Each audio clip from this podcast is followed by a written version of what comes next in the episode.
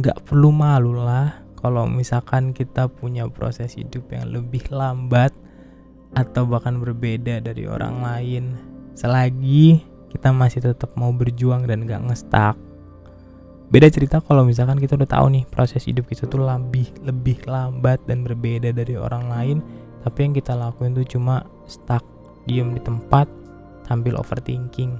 Karena kita takut untuk ngelakuin satu dua hal yang harus kita lakuin belum lagi ketika kita tuh insecure karena kita kebanyakan ngebandingin perjuangan diri kita dengan perjuangan orang lain apalagi sampai-sampai hati kita jadi iri.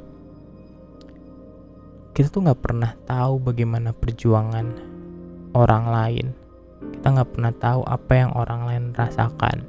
Bisa jadi perjuangan itu lebih berat.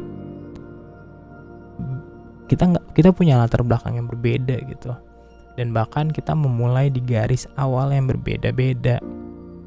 Jadi perjuangan kita ya perjuangan kita, perjuangan orang lain ya perjuangan orang lain. Kita punya caranya masing-masing. Kita kita punya hidup yang berbeda gitu. Kita punya sesuatu yang kita perjuangin dengan beda.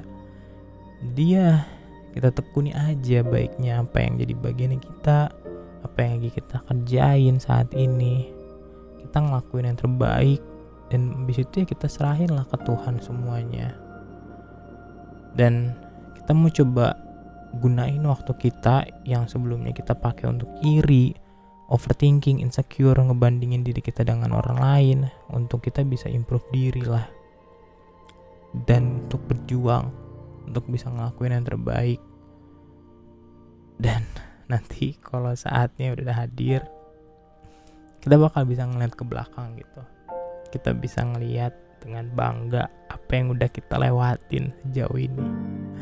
Dan sampai akhirnya kita bisa ngomong kerennya gue bisa berjuang sampai ada di titik ini